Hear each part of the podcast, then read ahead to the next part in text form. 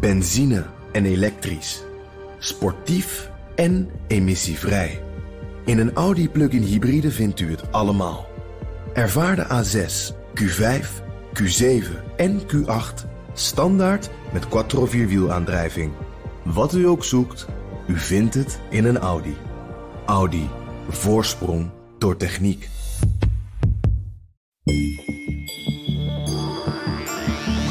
China wil zijn deuren verder openzetten voor Europa. En met deze woorden probeert China de relaties weer een beetje op te warmen, want er heerst sceptisch in Brussel. Onder meer vanwege de risico's van de nieuwe zijderoute. De vraag is daarom, hoe gevaarlijk is die nieuwe zijderoute? Daar ga ik over praten met Ties Dams, China-kenner, schrijver van het boek De Nieuwe Keizer, Xi Jinping, de machtigste man van China. Welkom terug. Dank. Rico Luman, sector-econoom bij het Economisch Bureau van ING. Ook welkom natuurlijk. En ook welkom zeg ik tegen Sarah Hardes, docent en onderzoeker aan de Universiteit van Amsterdam op het gebied van China-Afrika-relaties. Ik ben Mark Beekhuis en deze podcast wordt mogelijk gemaakt door het Leiden Asia Center. Ties, mag ik misschien bij jou beginnen? Jij bent misschien nog wel de meest historische van ons allemaal. Uh, waar, komt, waar komt de zijderoute, het woord, het begrip vandaan? Ja, um, dat waren de, de, de vermaarde handelsroutes van, die we kennen van Marco Polo en Kublai Khan. Door Centraal-Azië waanzinnig langgerekte en, en complexe handelsnetwerken die net als nu... Uh, zou je eigenlijk wel kunnen zeggen, heel uh, slecht te omschrijven zijn of, of moeilijk in te kaderen. Uh, maar in ieder geval een enorme verbondenheid voor die tijd uh, bewerkstelligde. Nou ja, en hetzelfde toen, geldt. Toen was er geen plan, maar was nee. er gewoon iets wat ineens een zijderoute bleek te zijn? Ja, er was geen strategie, maar wel een zijderoute. Uh, sterker nog, er waren heel veel zijderoutes tussen, tussen China en Europa, door Centraal-Azië, um, het Midden-Oosten ook deel, gedeeltelijk. En er was een enorme verbondenheid en uitwisseling in cultuur, maar vooral ook in handel, goederen. en, en daarom de zijderoute, zijde was daar het symbool van. En nu is het andersom, hè? Want ja, nu was, is er, is zeker... nu wel een strategie, maar nog niet helemaal die zijderoute. Ja, aan de andere kant is die strategie ook deels een branding van een economische ontwikkeling die al lang gaande was. Een merknaam voor een plan. Ja, precies. En die merknaam uh, uh, geeft dat, dat die beweging weer extra strategisch gewicht, waardoor het weer sneller gaat. En uh, dus, dus feit en fictie hebben een hele gekke wisselwerking in de zijderoute, geloof ik. Sarah, de route gaat ook naar Afrika. Ik dacht, het is iets tussen China en Europa. Nee, door uh, dit Midden-Oosten misschien, maar Afrika ook? Ja, dus het huidige Belt and Road Initiative is Afrika ook eens in opgenomen als een van de, de focusregio's. En dan vooral als het gaat over de maritieme connecties. Uh, okay, met, ga je dus uh, niet, uh, niet ja. per trein, maar vooral per schip? Ja, en grote focus op Oost-Afrika in dat aspect. De Chinese kant, zeg maar. Ja. ja. Rico, wat, zijn er iets van 70 landen ongeveer aangesloten op het project? Uh, ja, inmiddels wel rond de 70. En het breidt zich eigenlijk uh, nou, jaar op jaar uh, uit. Nu ook met Europese landen en dichter bij huis. Dus, hm. Gaat het door Rusland heen eigenlijk, die, die trein? En is Rusland dan ook lid van de club? Nou ja, Rusland is inderdaad een land waar al die lijnen doorheen lopen. tenzij je via het zuiden gaat. Maar dan moet je door Iran. Ja.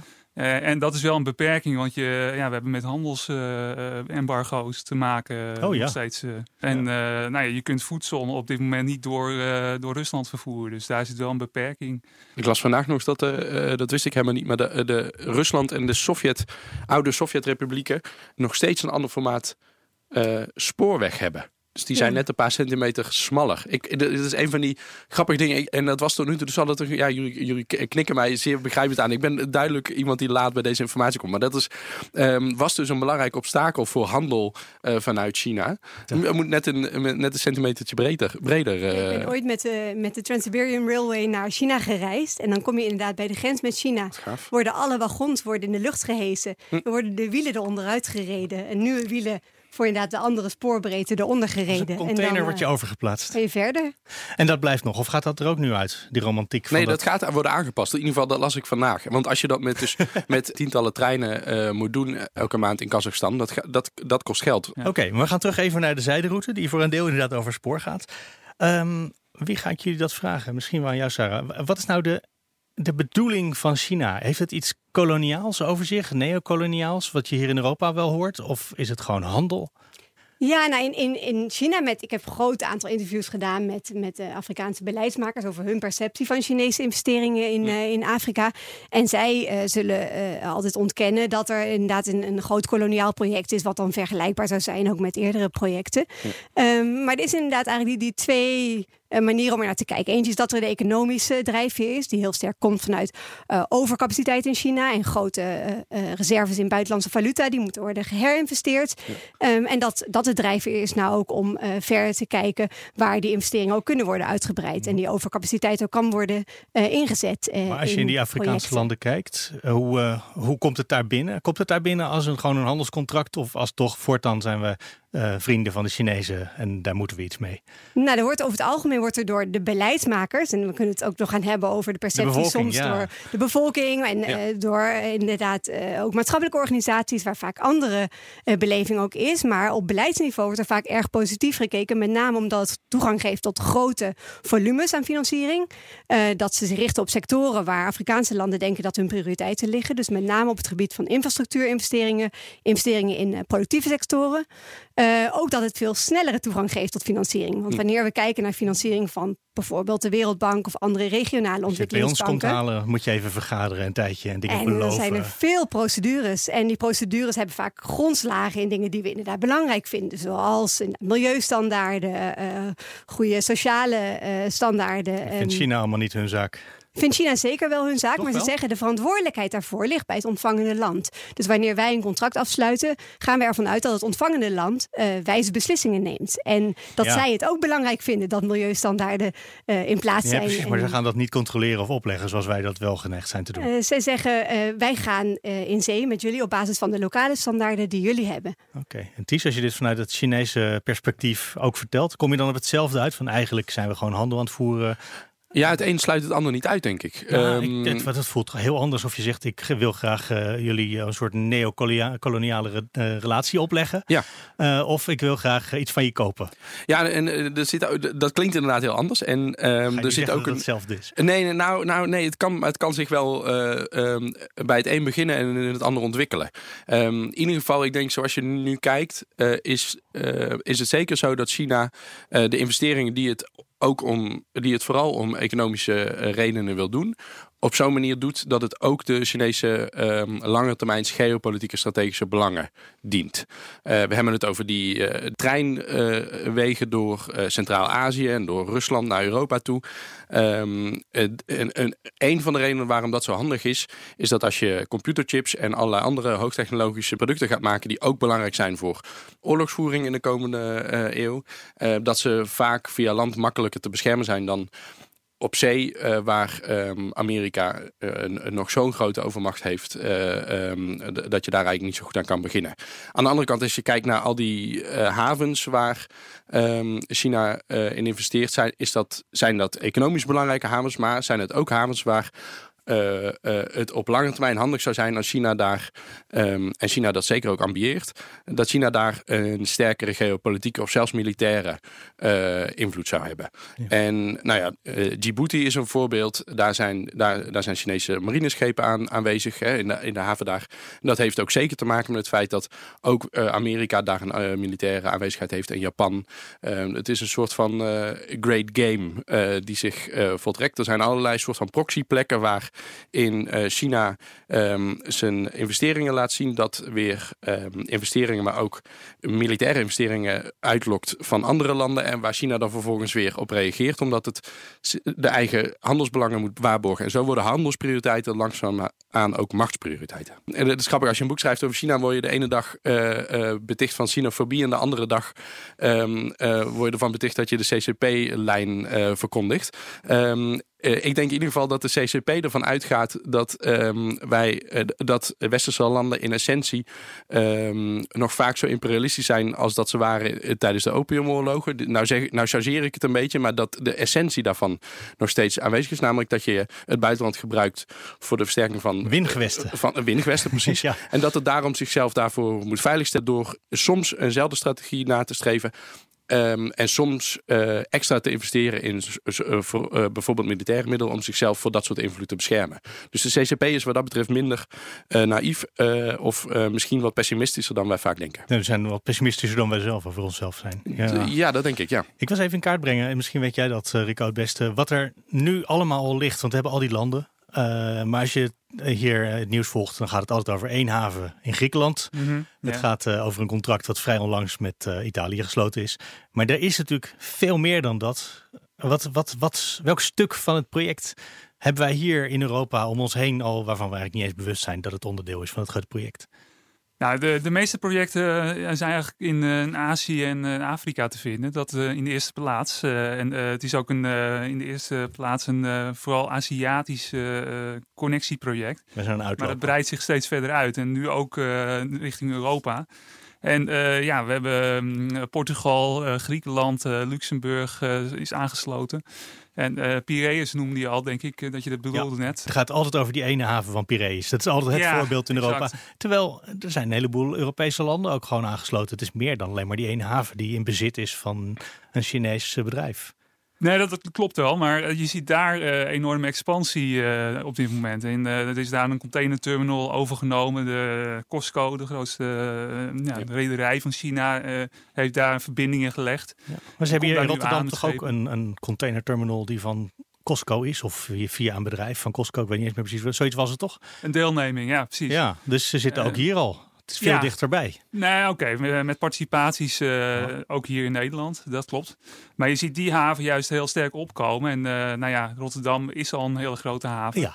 En uh, ja, daar zijn die Chinezen zeg maar wel aanwezig, maar het heeft het niet een heel dominante werking nog. Ik, ik had laatst een, een etentje met diplomaten uit allerlei verschillende landen. En die legden de kaarten naast elkaar. Die zij van Chinese diplomaten hadden gekregen over wat uh, de Chinese zijderoute-strategie eigenlijk is en waar die eindigt. En ze hadden allemaal een ander kaartje. En uh, op, uh, op ieder van hun had een kaartje waar hun land het belangrijke eindpunt van de nieuwe zijderoute-strategie was. Dus de Nederlandse diplomaat had een kaartje waarin Rotterdam super belangrijk was. De Duitser had er eentje waar Duisburg echt het eindpunt was.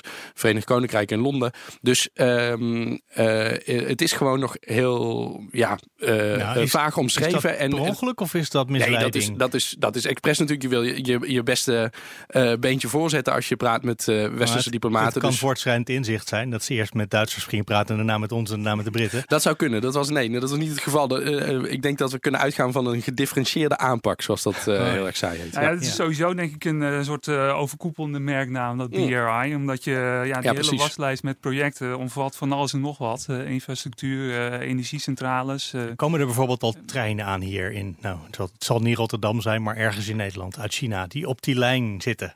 Ja, we hebben ernaar gekeken ook uh, zelf in het werk. je hebt daar een heel spreadsheet voor je liggen. Zijn dat alle projecten waarvan we weten dat het erbij hoort? Uh, ja, we, jullie. Nou ja, goed, dat, dat is wereldwijd wat er inderdaad is geïnitieerd. maar ja, de, de spoorlijn naar Europa die, die eindigt eigenlijk in Duisburg, kun je zeggen. Dat is de belangrijkste hub in Europa. Ja. En vanuit daar zijn er wel weer aftakkingen, ook richting Nederland. bijvoorbeeld naar Tilburg is er een verbinding paar keer per week. Mhm. En uh, ja, indirect ook uh, naar Rotterdam.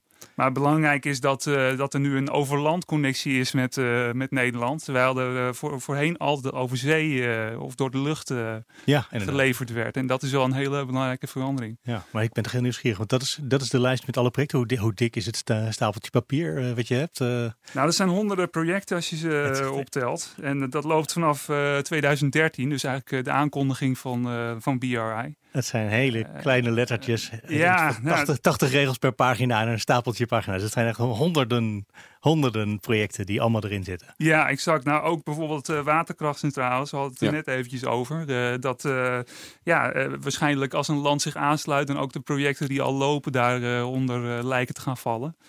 in ieder geval, het is een enorme lijst. Hier in Europa, daar zijn we dus aan het. Ja, we worden langzaam ontwikkeld door de Chinezen, mag ik het zo formuleren. Afrika heeft al wat langer ervaringen. Ja. Hoe loopt dat daar? Ja, het is een startpunt eigenlijk van de recente Chinees-Afrikaanse betrekkingen. Want het, het, gaat al veel langer terug. Eigenlijk zijn de Chinezen al, al net zo lang in Afrika als westerse landen uh, daar aanwezig zijn geweest. Maar de recente uh, betrekkingen zijn gestart in 2000 eh, met het eerste Forum on China-Africa Cooperation. Dat is een, een driejaarlijks forum wat wordt georganiseerd waarbij bijna alle Afrikaanse staatsleiders aanwezig zijn. En er gaan allemaal naar China om daar te praten. Ja, ja, het is eenmaal in, in Afrika geweest, maar eigenlijk alle andere keren in, in China. En dan worden ook de, de, dus de grote beloften gedaan over zowel hulp als investeringen als handelsbetrekkingen. en ook steeds grotere component voor inderdaad politieke betrekkingen. Ehm, en waarbij het ook vaak moeilijk is om uit elkaar te trekken, inderdaad, waar, waar hulp eindigt en waar handel alles begint. loopt in elkaar over. Um, dus dat, dat is eigenlijk het, het startpunt geweest. En je ziet dat er een enorme toename sindsdien is geweest in, in hulphandel en uh, investeringen en in Afrika. Als wij iets horen vanuit Afrika, dan is het altijd dat er een land ineens een enorme schuld blijkt te hebben aan de Chinezen. Dat het helemaal misgegaan is en dat ze een stuk grond kwijt zijn of een, een of andere stuk Nou, van daar- de infrastructuur aan de Chinezen. Dat, is, die heeft ons, nou, dat heeft geen goede PR eh, gegeven, denk ik. Nee, is dat, klopt dat beeld? Heel veel hardnekkige geruchten. Het gaat maar... over gevangenenarbeid die in, in Afrika eh, aan, aan de slag zou gaan, waarvan er nul bewijs is dat dat echt plaatsvindt. Hm. Het gaat inderdaad over inderdaad, grote opkoping van, van land in Afrika. Ook heeft eh, veel studies gevonden dat er eigenlijk heel weinig bewijs van is dat dat daadwerkelijk gebeurt. Ehm, schulden hebben we nu in de meest recente studie waar ik bekend mee ben, zijn er 16 landen in Afrika die nu eigenlijk een verhoogd risico op onduurzame schulden en risicovolle schuldenpositie hebben. Waarvan er maar drie zijn waarvan eigenlijk wordt gezegd daarvoor heeft China echt het grootste aandeel. Dan zijn er nog zes als waarvan het dan China misgaat, klopt het dan wel dat ze een deel van de grond of een stad of een haven kwijtraken? Nou, we of zien is dat nog steeds niet? In, we hebben eigenlijk eh, nog geen voorbeeld in Afrika daarvan. Wel een heleboel landen waarbij er een risico op lijkt te zijn. Dus eh, we hebben in Azië voorbeelden, bijvoorbeeld in eh, Sri Lanka, waarbij we in 2017 hebben gezien dat inderdaad, omdat Sri Lankese overheid niet in staat was een lening terug te betalen, eh, China de rechten kreeg voor 99 jaar over een bepaalde havenfaciliteit daar. Eh, er zijn nu grote angst dat in Afrika en een aantal landen hetzelfde zal gebeuren. Dus Djibouti werd inderdaad al even genoemd. Ehm, en in Djibouti hebben zowel Amerika als eh, China inderdaad ook militaire belangen. En er is daar nu een angst, omdat de Djibouti. Eh, overheid heeft eh, nu een eh havenfaciliteit daar genationaliseerd. Dat dat een eerste stap is om uiteindelijk die havenfaciliteit ook naar China over te dragen, mochten ze niet in staat Mocht het een zijn. keer nodig zijn, ja. Voor je het weet zit je wel in een koloniaal project, toch? Maar tegelijkertijd vind ik het altijd heel moeilijk om meteen die positie te nemen. Want wat Voor ik al, weet, al Ja. aangaf, ehm, je kan je altijd afvragen, was dat een vooropgezet plan vanuit China? Gingen zij naar landen toe waarvan ze wisten dat ze die schulden niet zouden kunnen terugbetalen, Mhm. zodat ze uiteindelijk die faciliteiten zouden kunnen annexeren? Of zeiden zij, we gaan hier investeren in een project. We gaan ervan uit dat het ontvangende land een wijze beslissing neemt. En ook zelf berekeningen maakt. Ook soms met ondersteuning van internationale financiële organisaties. Om te kijken of dit eh, eh, een te grote impact gaat hebben op hun schuldenpositie. En als zij zeggen dat dit kan, ehm, soms ook ondersteund dus door Wereldbank en IMF-studies. Dan gaan wij ervan uit dat zij het ook kunnen terugbetalen. Mag ik eigenlijk zeggen dat de Chinese Afrikaanse landen veel serieuzer nemen dan wij in het Westen dat doen? Dit is inderdaad Want ook wij hebben de waar- neiging om ze heel erg te gaan helpen en ondersteunen en eh, nou ja, ontwikkelingshulp te geven. Het was Ja. China zegt gewoon, je bent, je bent een land toch? Je hebt eh, grondstoffen. Ja, dus zitten we eigenlijk bij praten in het West altijd heel over ownership. Hè. Dus, dus Mhm. Afrikaanse landen moeten inderdaad in staat zijn om hun eigen beleid vorm te geven. Tegelijkertijd worden eigenlijk alle studies over inderdaad milieu-impact, over schuldenpositie worden gedaan door internationale financiële organisaties of door donorlanden. Eh, en eh, Afrikaanse beleidsmakers opnieuw, die vinden, het erg prettig dat ze serieus worden genomen voor hun gevoel in een gelijkwaardige positie. En eh, dat zij zelf. het is natuurlijk geen mogen- gelijkwaardige positie. Dat is inderdaad tegelijkertijd het punt. Dat we weten natuurlijk dat de capaciteit Ja. en soms ook de bereidheid om beslissingen te nemen in het nationale belang van sommige Afrikaanse landen er niet is. Eh, en dat is natuurlijk waar het grote probleem is. Ja, als en er waar, corruptie aan de top is, dan gaat dat natuurlijk in het hele land mis. ja, en vaak ook een capaciteitsprobleem. Dus dat de standaarden er bijvoorbeeld op papier wel zijn, maar dat het erg moeilijk blijkt om ook een implementatie van die standaarden te hebben om ervoor te zorgen dat Chinese bedrijven daadwerkelijk ook voldoen aan die standaarden. Ties, voelen Chinezen zich dan niet moreel verantwoordelijk voor de, voor de ellende die ze aanrichten in een ander land? Want ze zeggen gewoon, ik wil jou serieus kunnen nemen. En die andere zegt, ja, ik ben een idioot, je mag me helemaal niet serieus nemen. Ik neem gewoon je geld mee. Ehm, Ik karikatuur, ja, ja, ja. En, dan zal ik een, een, beetje. Dan zal ik een gechargeerde versie van het, van, de Chinees, van het Chinese antwoord daarop geven. Ehm, namelijk dat de bemoeienis van het Westen.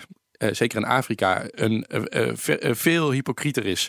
En ehm, inderdaad veel arroganter is dan wat China doet. En dat China gelooft in inderdaad zelfbeschikkingsrecht van, ehm, eh, van landen, vooral ook van ontwikkelingslanden, dat ze hun eigen pad mogen kiezen. En dat China er is om vanuit, het, vanuit een eigen belang eh, win-win situaties te, te zoeken. Ehm, en dat dat niet betekent dat het verregaande bemoeienis met de lokale politiek zoekt. want dat is helemaal niet rendabel. Dit zou, als Xi Jinping te gast was in de China-podcast, zou die dit... ja, ik weet niet of hij het zo... Hij, zou het niet zo direct bloemrijker zeggen, maar... Dat, ja, ja. Met Chinese diplomatie eromheen. Ja, dus ik, ik, um, ik denk dat China... Um, China verkoopt dit beleid ook aan het eigen volk. Zeker als een manier om... Um, uh, de rest van de wereld op eenzelfde soort manier te verheffen en autonoom te maken, zoals het China ook uh, uh, heeft, bij China dat ook heeft gedaan. Van buitenlandse bemoeienis en vooral van westerse bemoeienis. Ja, wij zelfstandig, moeten we, dat gunnen we iedereen. Ja, ja. En, en, dat, en dat, het is in die zin ook te vertalen, in ieder geval dat, dat de manier waarop China um, eh, vanuit het oosten het eigen westen heeft proberen, de westerse provincies heeft proberen te ontwikkelen met dit soort projecten. Dat nu naar Centraal-Azië uitpakt. Dat, hebben, er zit eenzelfde soort aanpak uh, nu in, in Centraal-Azië, maar ook in Afrika. Dus het is een, een langgerekte strategie die eigenlijk ook binnenlands is begonnen en vanuit een binnenlands autonomie-ideaal. In zekere zin met open kaart, want we kunnen precies zien wat ze al die jaren gedaan hebben. Ja, exact. En, en, de, en de, er is een groot probleem, en dat is ook bij de nieuwe zijderoute met transparantie, zeker als het gaat om schuldenlast. Dus uh, de Chinese nationale overheid weet bij de eigen lokale overheden vaak niet eens welke schulden er worden opgebouwd met grote infrastructurele projecten. Laat staan met de deals die worden gesloten in Centraal-Azië of in andere delen van de wereld. Dus daar is echt wel een, een probleem. Het is ook moeilijk voor investeerders. Misschien kun jij daar wat over zeggen om daar dan ook risico-inschattingen van te maken daar vertrouwen in te hebben.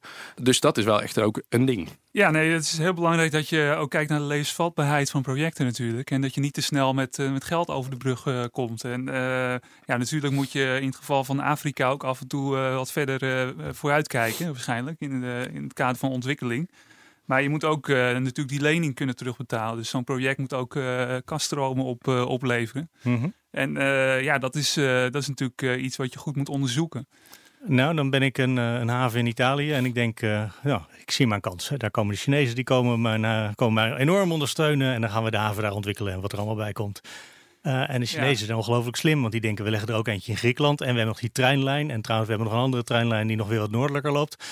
Die kunnen op dat ogenblik heel erg spelen, terwijl ik nog steeds maar één haven heb. Dus ik ben een beetje afhankelijk geworden. Is er, dreigt er niet altijd zo'n soort onevenwichtige relatie, gewoon omdat China ongelooflijk groot is?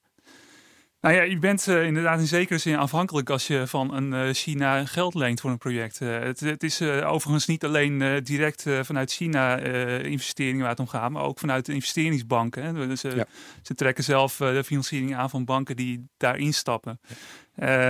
maar dat, dat moet je natuurlijk terug kunnen betalen. En dat neemt een voorschot op ontwikkeling die, die in de toekomst moet plaatsvinden. dus havenontwikkeling, banen, extra handelsstromen. Uh, die je in staat moeten stellen om alles uh, terug te betalen. En uh, ja, op het moment dat dat niet helemaal lukt, dan heb je een afhankelijkheid. Dat, dat is het, het, risico in feite. Ja, ja. Wat vaak ook onderschat wordt in het Westen, in Europa en Nederland, is dat de Chinese overheid zeer bereid is om um, als het gaat om investeringen in de eigen economie, maar dat zien we ook in, de, in het buitenland, om te falen. Dus uh, wat bijvoorbeeld met joint ventures ook uh, gebeurt maar is dan zeggen ze, nou we hebben een goed idee, we nemen de haven van Rotterdam voor jullie over, zijn jullie er mooi vanaf, hebben al die problemen niet meer. En in China mag je daarmee falen, maar dit is onze haven. Nou ja, dus dat zou een heel groot uh, voorbeeld zijn. En, voor ons, ja. ja. maar in ieder geval is de Chinese overheid ook, dus, en dat zie je zeker in China, um, maar ook in joint ventures. Uh, um, hè, de, een westerse investeerder of een westerse partij krijgt vertrouwen omdat de Chinese overheid er ook een klap geld in gooit. Um, maar dan lijken er uiteindelijk toch ook allerlei concurrerende projecten te zijn, waarvan dan later eentje een andere wordt opgeschaald en dus de rest uh, mag falen. En dat is, heeft te maken met een heel slim, competitief, maar ook hardvochtig uh, Chinese innovatiebeleid. Dat we vaak onderschatten. Wij denken, oh, als die Chinezen er zoveel geld in stoppen, dan zullen ze het wel heel serieus nemen. Dat doen ze ook. Maar met zo'n land en met zo'n cashflow kun je ook heel veel laten mislukken. En dat uh, onderschatten we vaak. Herken je dat uit, uh, uit Afrikaanse landen, Sarah? Ja, maar tegelijkertijd zie je daar ook dat er ook steeds groeiendere angst is voor reputatieschade. En ja, um, dat soms ook invloed heeft op Chinese commerciële belangen. Dus bijvoorbeeld in Ghana zagen we ook dat er een, een lening van 3 miljard afgesloten voor een tiental projecten. Uh, vervolgens daalden de olieprijzen. Die, en de olie uit Ghana stond als onderpand voor die lening. Konden ze de lening niet terugbetalen, waardoor de helft van de lening werd gecanceld. En China dus ook verminderde toegang kreeg uiteindelijk tot olie uit Ghana. Dus je ziet dat er ook een, een, relatie is met Chinese eigen commerciële belangen. En dus dat die reputatieschade ook wel degelijk een.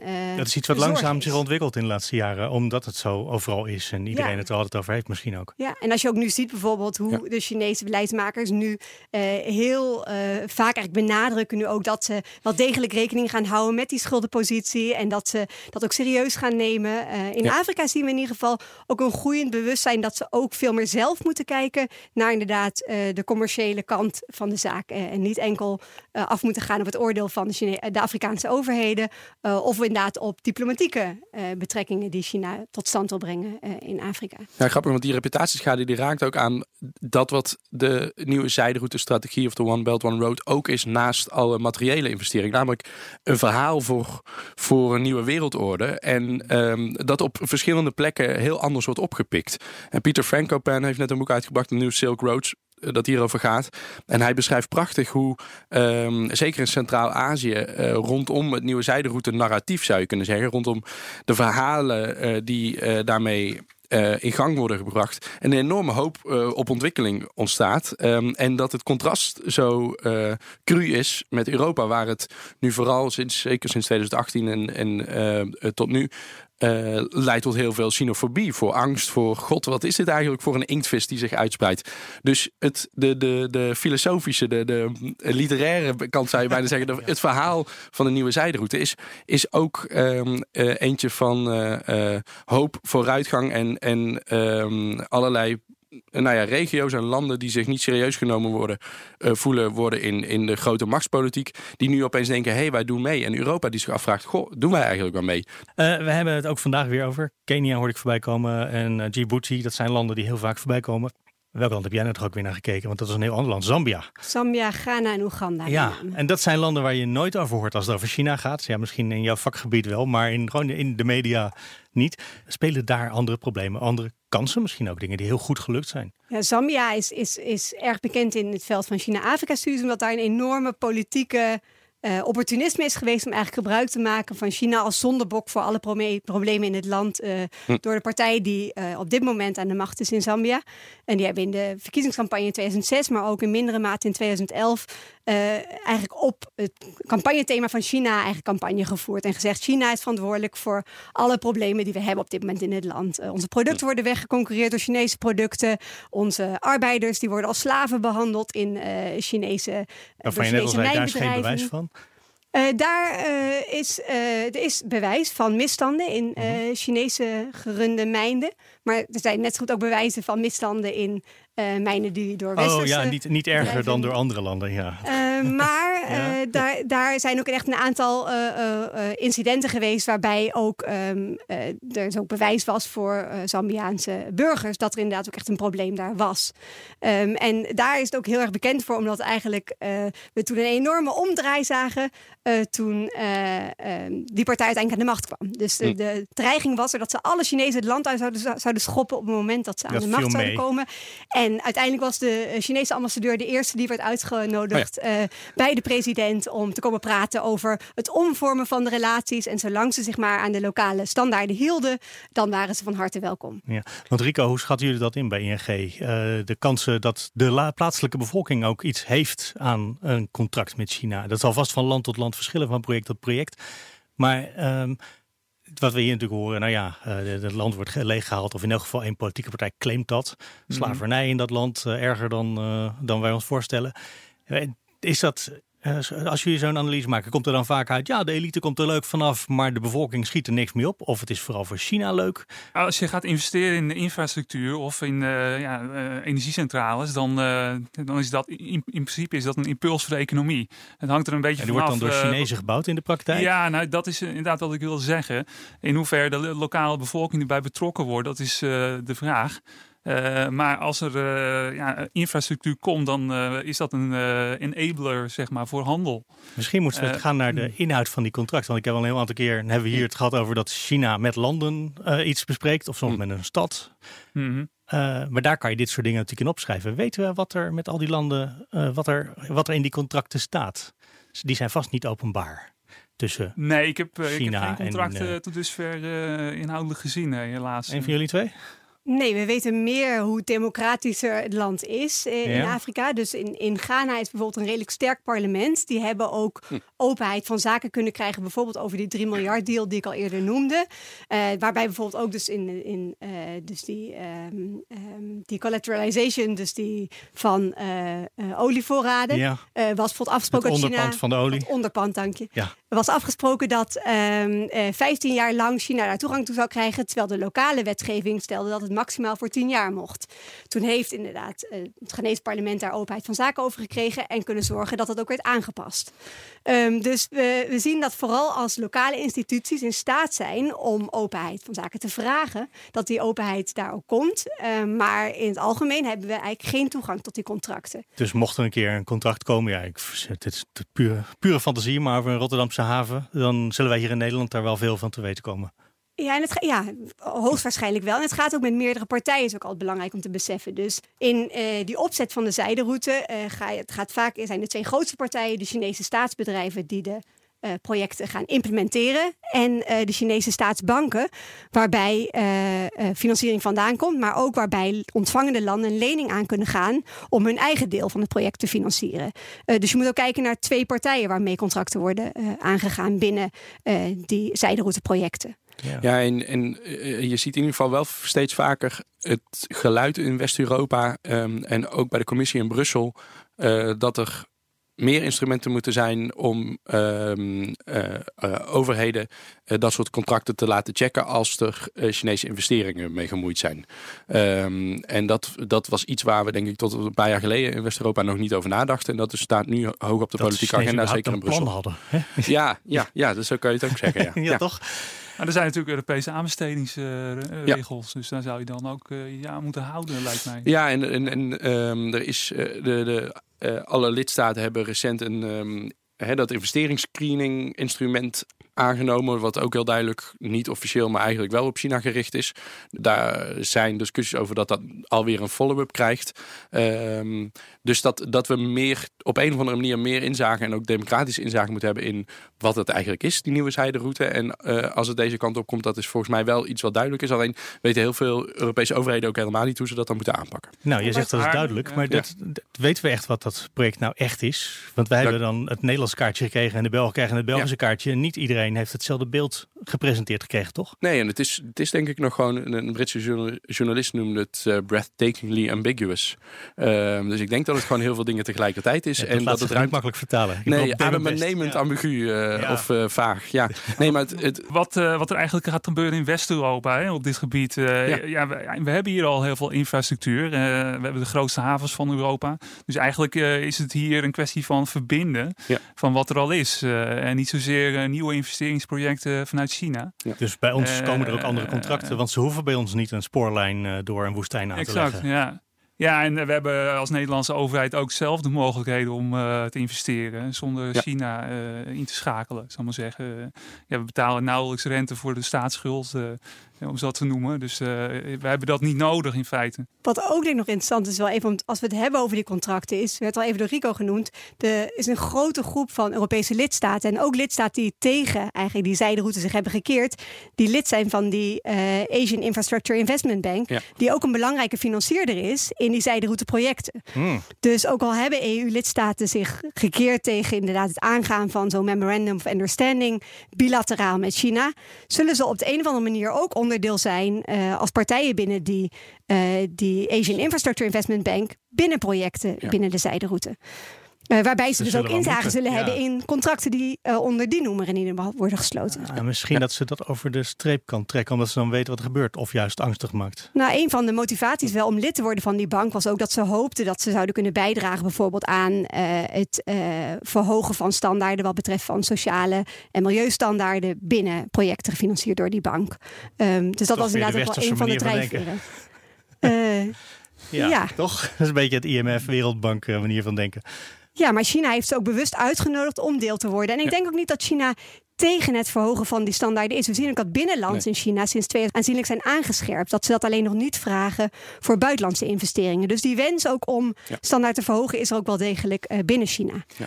Want hoe economisch is het project vanuit China? Is het uh, puur handel? Is het puur... Uh, nou ja, al, die, al die, die handelsroutes? Of is het ook misschien dat ze ons graag aan de Chinese cultuur een beetje willen laten wennen, aanpassen?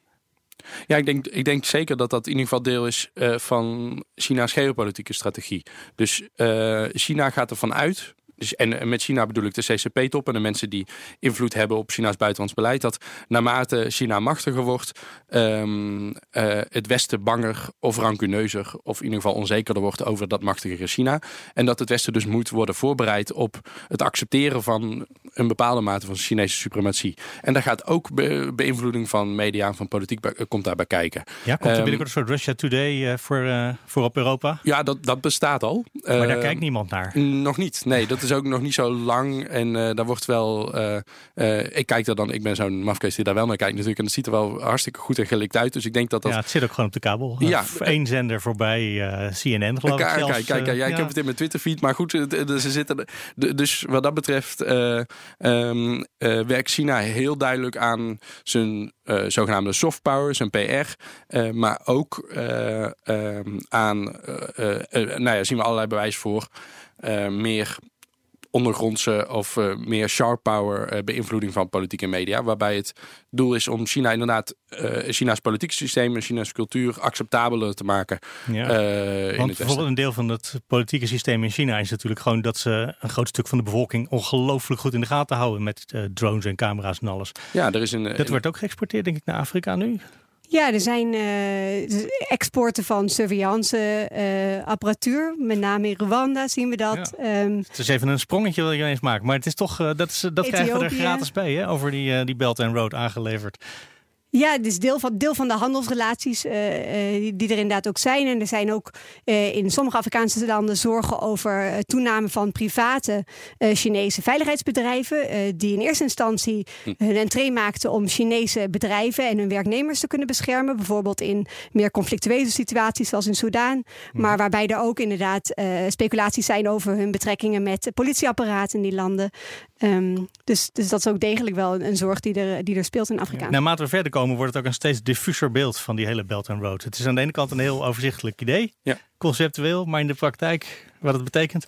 Um, aan het eind van de podcast, en ik denk dat we daar nu komen, uh, dan herhaal ik altijd nog even de vraag waar ik mee begon. En dat was, hoe gevaarlijk is nou die nieuwe zijderoute voor het westen? Vul ik er dan maar een beetje aan toe. En dan ga ik proberen wat elke week tot nu toe uh, mislukt. Maar ik probeer het deze keer gewoon heel optimistisch weer. Of je daar in één zin antwoord op kunnen geven. Hoe gevaarlijk die nieuwe zijderoute is. Ties, jij hebt al een keer eerder geoefend. Toen kwam je een heel eind. Het was wel een lange zin met het heel veel komma's. een hele lange zin, veel komma's en zo. Ja. Dus hoe gevaarlijk is de nieuwe zijderoute voor het voor Westen? Ons, ja. Niet als we ook ons bestuur en onze politiek op die nieuwe werkelijkheid aanpassen. Ja, jeetje, je mag nog een keer komen. Ja, heerlijk. Rico? Nou, ik denk dat wederkerigheid belangrijk is, uh, sowieso in de relatie met China. En dat het voor individuele bedrijven heel veel kansen kan bieden. Kansen, dat is niet gevaar, dus dat is goed. Uh, nou ja, politiek gezien uh, moet je kritisch zijn, denk ik. maar bedrijven zullen ook kijken naar China als, als afzetland en land voor leveranciers. Ja, Sarah? Ja. Ik denk gegeven de goede onderhandelingspositie waarin de meeste westerse landen zich bevinden, zo gevaarlijk als je het zelf maakt. Oh, we kunnen het risico ja. opzoeken. Dat vind ik mooi. Dankjewel alle drie voor je komst. Sarah Hardes, Rico Luman en Ties Dams. We komen aan het einde van de China-podcast. En dan roep ik altijd nog even de naam van onze sponsor, het Leiden Asia Center. Alle afleveringen kan je natuurlijk altijd terugluisteren op bnr.nl slash China-podcast. Je kan ook even kijken in de BNR-app in iTunes, op Spotify. Eigenlijk welke podcast heb je ook maar gebruikt. Wil je reageren? Dan kan je mailen naar podcast.bnr.nl. Of je kan twitteren, at Marks Remarks. Tot over twee weken.